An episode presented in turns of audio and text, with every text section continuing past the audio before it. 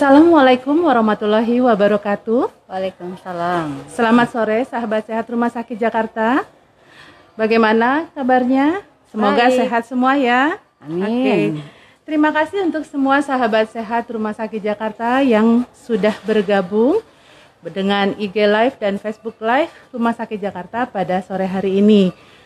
Eh, Rumah Sakit Jakarta akan terus menayangkan topik-topik kesehatan yang pasti akan sangat berguna dan bermanfaat buat kita semua. Baik, dari sekarang sampai 30 menit ke depan, sahabat sehat bisa mengikuti IG Live dan Facebook Live Rumah Sakit Jakarta dan nanti bisa mengajukan pertanyaan-pertanyaan langsung kepada narasumber kita pada sore hari ini. Baik, pertama-tama saya perkenalkan, saya Nurse Novi Krisyanti yang sore hari ini akan eh, menemani bincang santai kita dengan seorang narasumber kita yaitu seorang dokter spesialis anestesi Fellow Intervensi Pain Management yang akan bersama-sama dengan kita untuk menyampaikan pengetahuan tentang bagaimana kita cara kita mengenali nyeri dan bagaimana cara mengatasinya. Baik, pertama-tama saya perkenalkan dulu narasumber kita yaitu Dr. Mary Julita Pandelaki, spesialis anestesi Fellow Intervensi Pain Management. Selamat sore Dr. Mary. Selamat sore Bu Novi. Oke, bagaimana kabarnya dok? Alhamdulillah sehat semuanya. Semoga Bu Novi juga sehat ya. Alhamdulillah Oke. baik dokter. Dokter terima kasih nih atas waktunya dan Sama-sama. kesempatannya sudah mau menemani sahabat sehat Rumah Sakit Jakarta Ya. untuk eh, memberi pengetahuan dan wawasan kepada sahabat sehat Rumah Ya. Sakit Jakarta tentang bagaimana mengenali nyeri dan penanganannya. Ya. Baik dokter. Kalau kita bicara tentang nyeri ya dok, Ya betul. pasti semua orang baik dari segala usia Sudah dari bayi anak dewasa sampai dengan usia lanjut pasti akan pernah mengalami rasa nyeri Betul. bisa dijelaskan dok Ya. kira-kira nyeri itu apa sih dok Nah, jadi eh, setiap manusia dari usia masih enam bulan saja sudah diciptakan untuk bisa merasakan nyeri. baik Ya, jadi dia sudah bisa mengenali nyeri sampai dia usia lanjut. Oke, Ya. ya. Jadi nyeri itu sendiri adalah suatu perasaan emosional ya, Mhm. baik yang tidak diinginkan ya gitu ya, yang ada kaitannya dengan potensi kerusakan jaringan atau atau eh, seseorang yang eh, apa namanya hmm, belum kelihatan kerusakan jaringan tetapi dia sudah merasakan nyeri seperti itu. Ya. Jadi eh, nyeri itu sangat penting untuk kita ketahui, Ketahui. dan kita harus mendapat penanganan yang lebih adekuat atau lebih baik supaya jangan sampai jatuh kepada nyeri kronis. Oke. Itu. jadi artinya bahwa kalau nyeri itu adalah satu perasaan yang tidak nyaman ya dok Ya, buat seseorang ya sehingga eh, untuk mengatasinya kita harus mengenali dulu nyerinya Ya, itu dari betul. mana asalnya ya dok ya Ya betul. Baik. Itu tuh sangat penting kita mengetahui nyerinya. Nyerinya Ya. karena apa sih penyebab nyerinya tersebut? oke Ya seperti itu. Jadi ada beberapa faktor yang dapat menyebabkan nyeri ya, yaitu satu ada kaitannya dengan ada ada tidaknya trauma. Oke, Ya. jadi bisa dari trauma Dari ya dok? trauma itu menyebabkan nyeri akut ya. Apa ada kaitannya juga dengan eh, nyeri karena nyeri kronis yang kaitannya dengan cancer pain itu juga juga seperti Oke, itu iya, ya. Iya dok. Ya. Eh, nah tadi dok kalau eh, perasaan yang tidak nyaman, nyeri itu adalah perasaan tidak nyaman. Betul. Sebenarnya apa sih proses yang terjadi itu dok sampai eh, orang itu bisa mempersepsikan itu perasaan tidak nyaman? Ya, apa yang nyaman, terjadi ya. di dalam tubuh kita dok? Jadi eh, mekanisme nyeri itu terbagi menjadi empat bagian yaitu transduksi, transmisi, modulasi dan persepsi. Jadi Ya. eh, bagaimana transduksi itu dia contohnya seperti ini.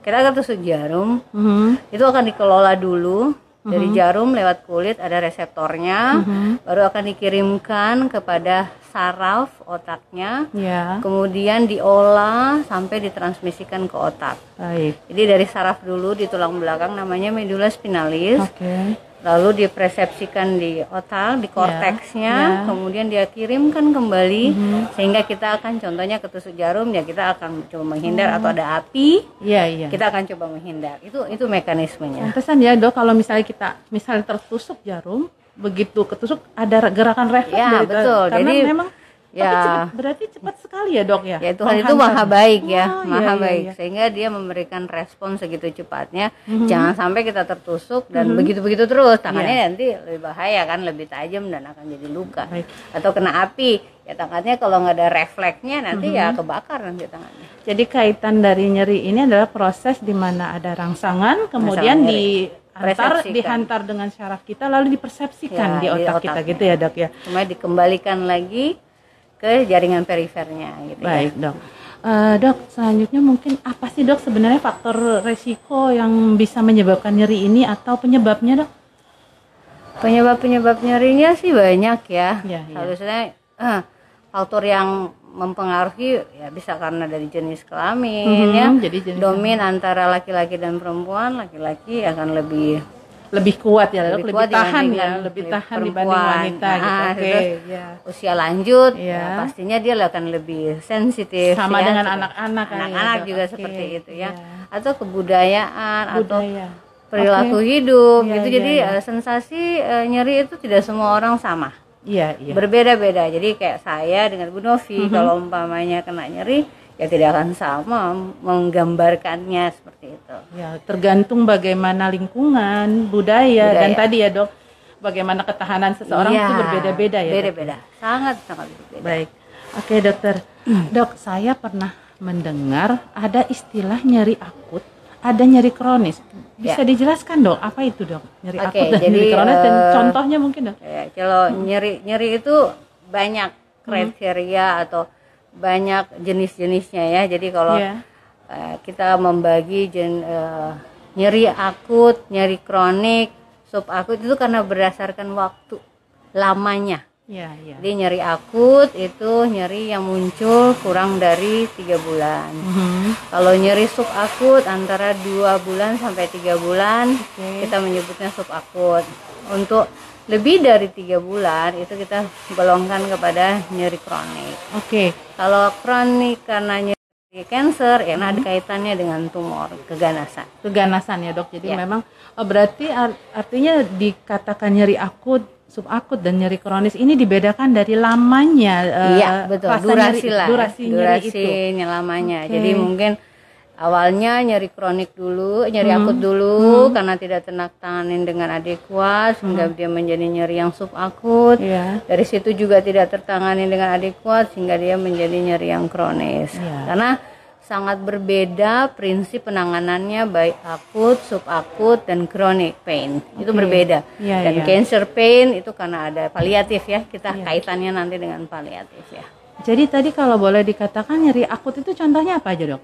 Nyeri akut ya mungkin seperti trauma, kita patah tulang ya, terbentur, itu nyeri akut. Hmm. Oh itu termasuk nyeri akut. Ya, Oke. Jadi- Kalau yang kronis lebih ke kanker, Eh, kemudian kronik eh, ya tapi kita mem- pembagiannya tidak menjadi nyeri kronik karena cancer jadi akan Ya. disebut sebagai kronik eh, cancer pain kalau chronic itu ya cancer pain. ya Oh, kalau iya. yang kronik itu ya awal mulanya sih dari nyeri kronis yang paling sering kan dulu. kalau kayak pada orang usia lanjut dok kayak nyeri pada sendi, tulang Oke. belakang, pada leher atau Ya.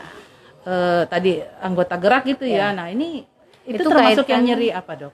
itu termasuk jadi dengan nyeri kronik oleh karena proses degeneratif ya jadi karena ada proses degeneratif yang cukup lama Mhm. sehingga terjadi kerusakan di jaringan sendinya sendiri Oke. sehingga penanganannya bisa dengan treatment dengan oral ataupun dengan fisioterapis Iya. Untuk saat ini sih kita lebih kalau umpamanya dia tidak mau operasi, Ya. kita bisa lakukan intervensi pain management seperti Ya. itu. Ya, jadi sebenarnya sahabat sehat Rumah Sakit Jakarta memang nyeri itu banyak ya dok, Ya, ya, betul. eh, sahabat sehat ya.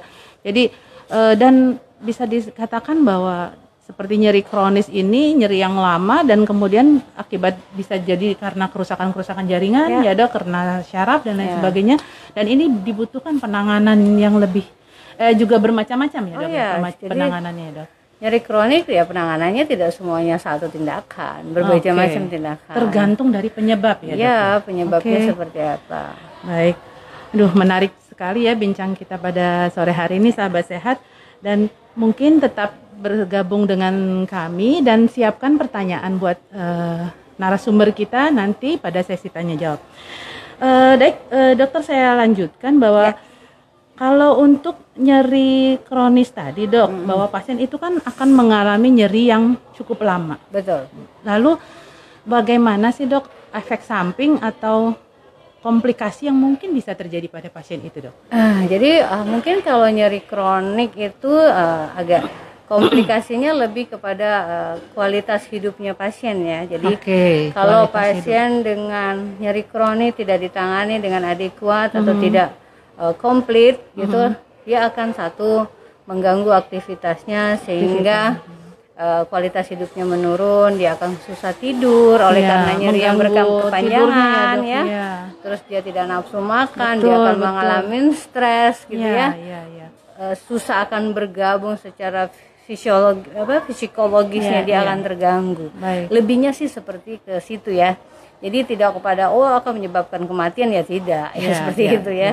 Jadi lebih kepada mengganggu Ya, terhadap kualitas hidup, si eh, si penderita jadi nggak ya. bisa tidur, jadi kurang enak Stres, makan, ya. Betul, tidak enak lebih makan. kepada jadi bisa sampai depresi Iya ya dok betul ya. betul banyak makanya kenapa kalau penanganan nyeri itu tidak hanya mutlak dengan obat operasi Iya, tetapi juga psikologis tuh pasien tuh harus diobatin saya makanya sangat penting ada psikolog Iya, atau ada iya. dokter psikiatri untuk bisa bergabung kalau dia sudah mengalami depresi dalam Betul. itu. Betul dok. Jadi ya itu mungkin yang tadi disebut mungkin makanya di sini Rumah Sakit Jakarta menyediakan juga pain clinic ya, Ya, dok. Itu betul. untuk memanage Salah bagaimana satunya. cara mengatasi nyeri mungkin ya, ya, dok betul ya. betul jadi Oke. kita di Rumah Sakit Jakarta ini uh, Iya. punya Jakarta Pain Clinic yang dipelopori oleh dokter anestesi dengan Baik. tim dan ada dokter ortopedinya juga. Ya. Kami udah ya baru 2020 ya. Oke, ya. Februari kita launching untuk uh, Jakarta Pain Clinic di Rumah Sakit Jakarta. Baik, oke dokter. Nah, eh, jadi tadi penanganan dokter tadi sebutkan bahwa penanganan nyeri itu khususnya untuk kronis juga banyak ya banyak, dok. banyak. Eh, saya juga pernah mendengar tentang terapi radiofrekuensi ya dok. Oke. Eh, bisa dijelaskan dok Ya. apa sih itu terapi radiofrekuensi? Jadi eh, terapi radiofrekuensi itu adalah eh, suatu tindakan Mhm. yang menggunakan gelombang radio, Ya. gelombang radio untuk memblok target sarafnya. oh gitu dok. Sehingga dia lapisan sarafnya itu Mhm. eh, tidak akan mengirimkan sinyal nyeri lagi. Baik. Jadi kita blok dia punya Ya, dengan ya. gelombang radionya, radiofrekuensi. Oh jadi prinsipnya bahwa radiofrekuensi ini membuat eh, apa sih memblok saraf itu untuk supaya tidak eh, meng, apa, mengeluarkan impuls nyeri impuls nyerinya. Betul. Oh, baik, dokter. Dok, berapa kali efektifnya radiofrekuensi ini dilakukan, Ah, Dok? dari beberapa- Sampai kita bisa ya mengurangi rasa nyeri itu, Dok. Oke, beberapa kasus ada yang dengan nyeri kronis, contohnya dengan eh, HNP ya. Mhm. Ada yang bertahan sampai 2 tahun Baik. ya. Ada yang kadang-kadang juga ada yang dapat enam bulan ya, mungkin tergantung dari eh, kursus sejauh mana ker- kerusakan daripada eh, nerve-nya itu atau Sarafnya ya, Dok, ya? Ya, betul betul. Oke.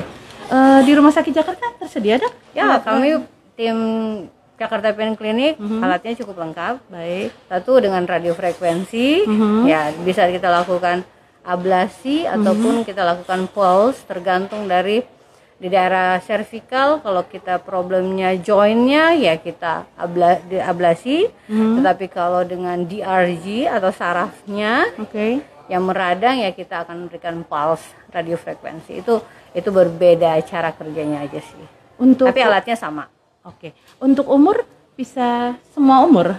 oh enggak lah Enggak, terbatas atau pada ada usia dewasa saja hanya, untuk Hanya dewasa. untuk usia dewasa, baik. Betul, betul. Jadi eh, dan keuntungannya apa nih dok? Kira-kira kalau untuk kita bisa melakukan radiofrekuensi ini apa keuntungan atau kelebihan dari alat? Oke, jadi Tindakan. penanganan eh, menggunakan rek- radiofrekuensi biasanya sih pasien itu sudah datang dengan sudah dilakukan terapi konvensional dan pengertian sudah minum obat penghilang sakit, terus sudah dilakukan fisioterapi, ya. Ternyata tidak ada perubahan dan atau umpamanya dia saraf terjepit, Mhm. tetapi dia tidak mau operasi nih Iya, dok, ya. iya. Nah inilah Takut ya, dok, takut operasi. ya apalagi udah usia lanjut Iya, ya iya. dengan komorbidnya banyak, Resikonya ya, juga resikonya banyak ya, besar Dok. untuk Baik. dibius total. Iya, Ya bisa kita lakukan dengan radiofrekuensi, hanya dengan lokal anestetik aja. Eh, bisa rawat jalan atau harus rawat inap dok? Eh, biasanya sih kita observasi tergantung waktunya. Biasanya kita observasi sampai 8 jam. Mhm. Kalau memang dia tidak ada keluhan dan juga tidak ada komorbid yang lainnya, kita boleh Berarti pulangkan. artinya sebenarnya bisa juga ya sambil rawat jalan Iya, ya dok ya, nggak harus rawat Jadi tetap tapi dengan eh, observasi ya. Oke, Eh, tindakan itu bisa dilakukan setiap hari. Eh, dokter praktek di sini setiap hari dok? Ya, kami tim setiap hari mulai dari hari Senin sampai hari Sabtu. Oh, setiap hari ya Iya, dok. Oh, betul. ada timnya ya dok Ya, kami tim. Baik, baik, baik. Oke, jadi memang eh, ternyata nyeri ini memang cukup eh, banyak ya Betul. jenisnya sehingga Kompleks. penanganannya pun lebih banyak eh, juga banyak ya dok. Betul, betul. Selain radiofrekuensi apa yang tersedia di Rumah Sakit Jakarta khususnya di pet klinik kita dok untuk penanganan nyeri? Penanganannya ini kita dengan adanya PLDD, biasanya dokter Muki yang mengerjakan. Oh, PLDD ya Dari dok. Itu biasanya untuk di Saraf- bagian ya, saraf tulang belakang ya, ya, dia ya, kemarin sudah IG Baik, live ya sebelumnya ya, oke. Iya, oke. Terus dengan kita lagi mengembangkan eh, regeneratif terapi. Regeneratif terapi. Terapi. Apa itu, Dok? Ah, mungkin kita next eh, Oke. bincang-bincang Oh, selanjutnya baik. ya. Oke, untuk selanjutnya kita akan sampaikan tentang degeneratif terapi, terapi, Dok. ya. Oke, baik. Karena Kita, kita- tunggu. Ditunggu ya sahabat sehat Rumah Sakit Jakarta. Betul betul. Oke. Eh, selain itu kira-kira eh, apa apa yang bisa dilakukan atau obat-obatan apa nih dok yang kira-kira bisa dikonsumsi pada pasien-pasien eh, nyeri eh, yang melaku eh, yang kronis gitu dok? Misalnya apa sih misalnya pada pasien-pasien di rumah Eh, apa yang bisa dia lakukan untuk keluarga nih dok? Awalnya pastinya seorang merasa nyeri, dia tidak mau dong sakit terus menerus ya. Baik. Pastinya dia akan minum obat penghilang sakit. Mhm. Pastinya dia sudah akan mau fisioterapi. Baik. Itu itu namanya terapi konvensional. Konvensional gitu ya, ya. Ternyata di dalam perjalanannya tetap aja nyeri mungkin Betul. kayak apa shoulder pain gitu ya. Iya, mungkin iya. ada jaringannya yang rusak atau eh, tendon atau ada terjadi robekan Iya. sehingga dia perlu treatment selanjutnya. Iya. Ya itulah generatif treatmentnya akan kita tempatkan. Oke, jadi sebenarnya juga ma- untuk konsumsi obat-obatan nyeri dalam jangka waktu panjang Itu- juga bahaya ya, Dok, Ya, banyak efek samping Banyak efek ya. sampingnya ya, Gitu Dok. Contohnya kalau obat NSAID itu dapat menyebabkan kerusakan dapat menyebabkan kerusakan ginjalnya Ya. terutama itu ya terus yang lainnya ya bisa iritasi lambung seperti Oke. itu sih. Ya, baik eh, sahabat sehat eh, sudah banyak sekali yang dijelaskan oleh narasumber kita dan tiba waktunya kita pada sesi tanya jawab. Ya, mungkin saya akan bacakan pertanyaan-pertanyaan dari followers. Eh, yaitu, Dok, eh, sampai berapa lama nyeri itu efektif diobati dengan menggunakan obat dengan menggunakan obat? Dan apakah ada pengobatan lain selain minum obat? Ini pertanyaan dari Ibu Ega, dokter. Bisa dijawab, Oke, dokter. mungkin eh, harus spesifik pertanyaannya Iya.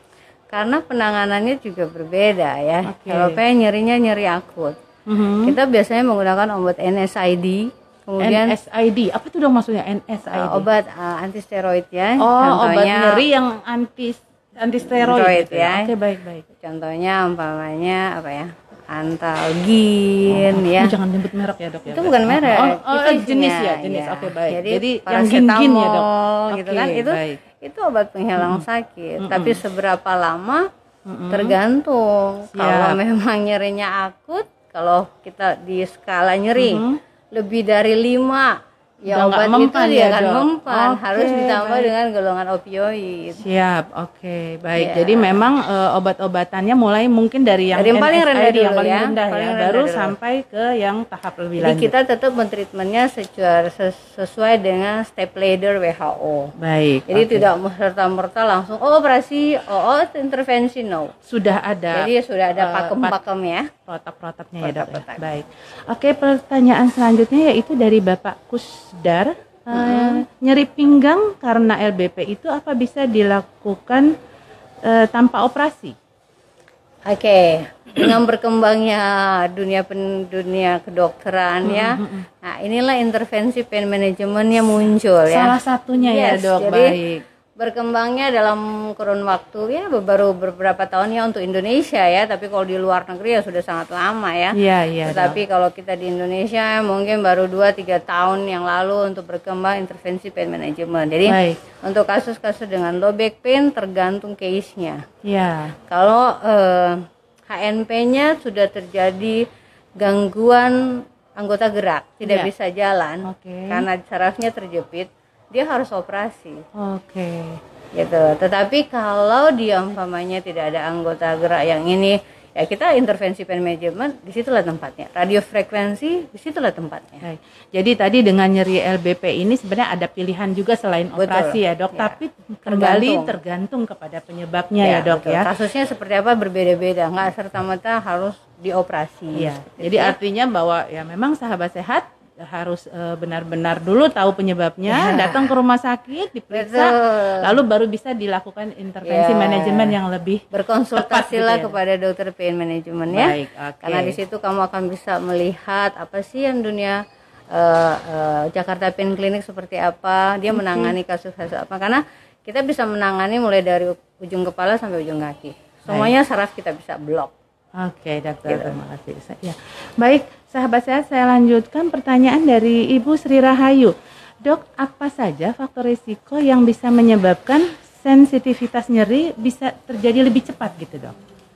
Biasanya sih karena faktor usia ya. Usia ya, Dok, tadi Iya, ya. ya, kayak tadi Karena ya. orang tua Ya, kadang lebih, sensitif. gitu. Anak-anak kan lebih sensitif. Anak-anak lebih gampang cepet nangis ya, Iya, Dok. jadi Eh, ya. kalau udah sakit langsung nangis. Lalu Iya. apa lagi, Dok? itu Selain faktor usia. ya jenis kelamin yang seperti kita tadi sudah budaya tadi ya dok ya? oke tadi baik. Jadi memang sensitivitas sensitivitas seseorang itu dipengaruhi banyak ya. ya, dok ya Banyak banyak penyebab faktor ya. faktor ya. oke. Eh, baik pertanyaan selanjutnya dari ibu Esti. Eh, dok satu tahun yang lalu anak saya harus operasi tulang belakang dan sekarang masih terasa nyeri di punggungnya. Kira-kira apa penyebabnya dok? Wah ini kasusnya banyak sekali ya Mbak ya. Mm-mm, Jadi eh, kasus seperti ini eh, itulah kolaborasi antara dokter eh, pemegang pisau dengan eh, dokter eh, intervensi pain, management. Jadi betul, biasanya mereka operasi untuk jadi dia akan menjadi chronic pain. oke ya, dia ya, akan jadi- chronic pain, nanti dia konsultasikan ke kami ya kami akan tindakan seperti satu fre- radiofrekuensi, Mhm. yang kedua bisa kami lakukan fluoroterapi Oh, regeneratif. fluoroterapi dok. Iya. Apa itu fluoroterapi dok? Nanti next Oke, ya. Next berikutnya. Oke, sahabat sehat, ada lagi nanti tentang fluoroterapi. Ya, Baik. Jadi itu. memang bisa kita lakukan tadi dengan untuk mengatasinya Ya. karena sudah operasi sebenarnya sudah sembuh kalau untuk luka operasinya tetapi masih Ya. ada nyeri. Nah, Ya, itu bisa ya. dilakukan intervensi pain Pain management kembali ya. ya, Dok ya. Karena kami beberapa kali kasus me- melakukan tindakan itu ya. Ya. Jadi pasien post op sudah tiga bulan, empat bulan kemudian sakit Ya. ya. Kemarin saya di rumah sakit ada salah satu rumah sakit swasta di sini di Kemayoran. Mhm. Dia operasi di luar negeri tiga bulan sampai lima bulan, tetapi tetap aja masih nyeri leher. Oke, ya. Jadi Jadi pada dia sudah dioperasi, akhirnya kita lakukan intervensi dengan radiofrekuensi. ya. frekuensi ya, radio frekuensi salah satunya. Baik. Eh, untuk selanjutnya eh, dari Bapak Fahrizal, dok bagaimana cara mengatasi nyeri tak tertahankan sehingga kadang-kadang mengganggu aktivitas.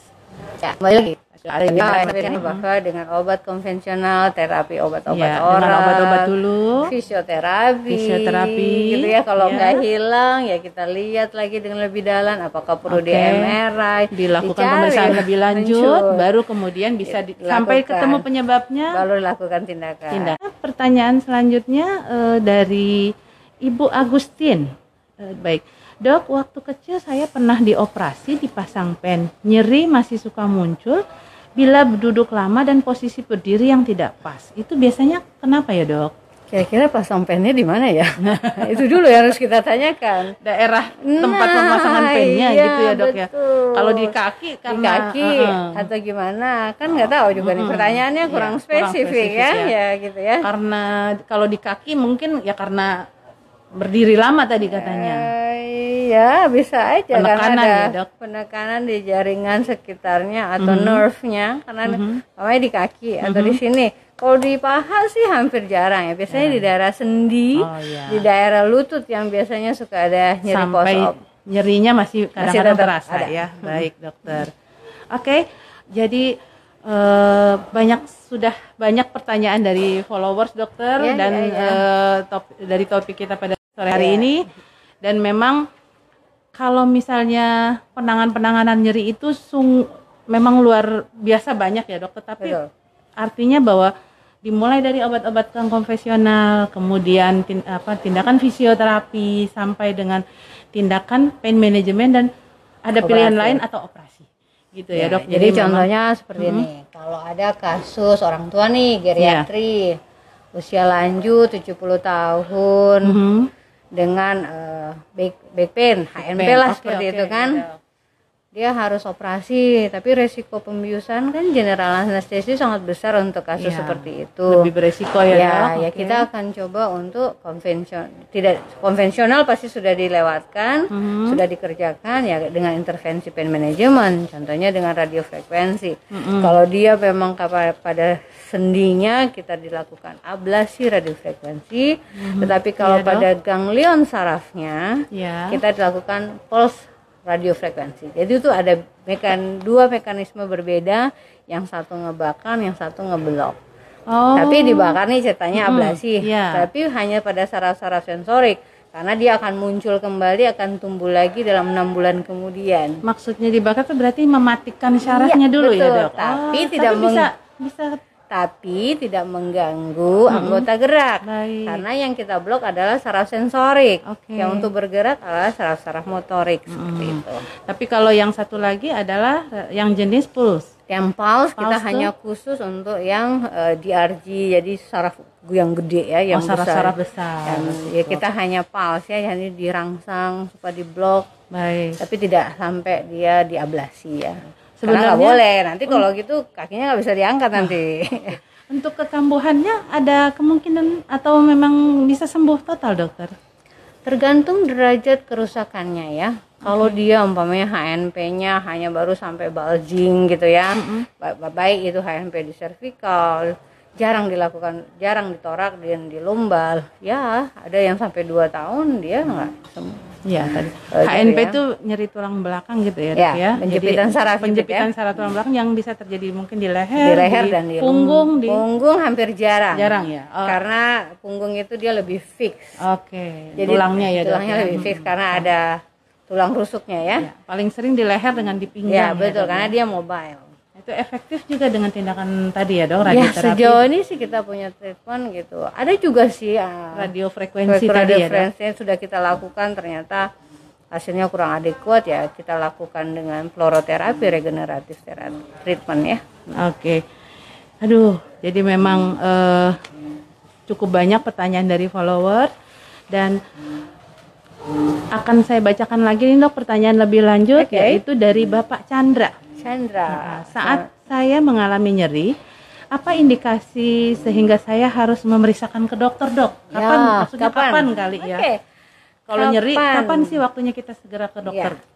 Kalau nyeri karena suatu trauma, trauma ya harus sesegera mungkin. Oh ya, segera Ya. mungkin ya dok. Karena kalau trauma mungkin aja dia terjadi patah tulang. Patah tulang ya dia tidak akan bisa bergerak sehingga harus dilakukan tindakan operatif.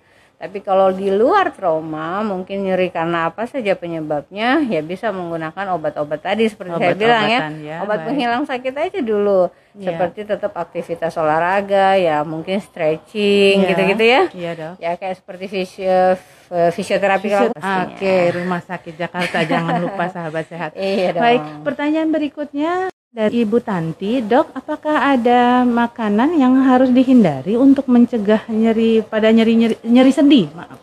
Ah, nyeri sendi hubungannya dengan regeneratif ya, nih Asam urat regeneratif. kali ya, Dok ya. Asam urat ya, Dok. Ya, mungkin ya. Jadi kaitannya nanti eh, dengan asam urat ya, mungkin beberapa orang ya makan kacangnya nggak boleh banyak-banyak Oh, yang ya, banyak supaya- mengandung apa tuh? Eh, asam urat asam atau? urat lah ya Iya, kira-kira iya. seperti itu. Kalau umpamanya ya dok ya. Ya betul. Tapi kalau nyeri sendi oleh karena kelainan anatominya Tidak. ya harus kita foto dulu. Ya, jadi- derajatnya derajat berapa. Dan kalau memang karena itu tidak terpengaruh makanan Iya. berarti ya dok ya. Betul betul. Baik baik. Oke aduh menarik sekali bincang kita pada hari ini dokter Oke. Eh, mungkin saya sedikit mengambil kesimpulan yaitu Hmm. bisa saya sampaikan di sini adalah nyeri adalah suatu perasaan yang tidak menyenangkan yang dirasakan oleh seseorang bisa dalam kategori ringan sampai dengan berat dan apabila nyeri tidak ditangani maka akan bisa mempengaruhi kualitas hidup dari seseorang itu. betul Yang selanjutnya adalah cara mengatasi nyeri itu banyak, yaitu harus dilihat dari penyebab nyerinya, lalu bisa dilakukan dengan eh, cara konvensional, lalu dengan intervensi pain management, juga bisa dengan cara operatif. Baik, yang ketiga adalah tepat, eh, tetap sehat, tetap jaga kesehatan buat sahabat sehat Rumah Sakit Jakarta. Jangan lupa protokol kesehatannya, selalu pakai masker, jaga jarak, dan tetap cuci tangan. Baik, dokter dan sahabat sehat semua.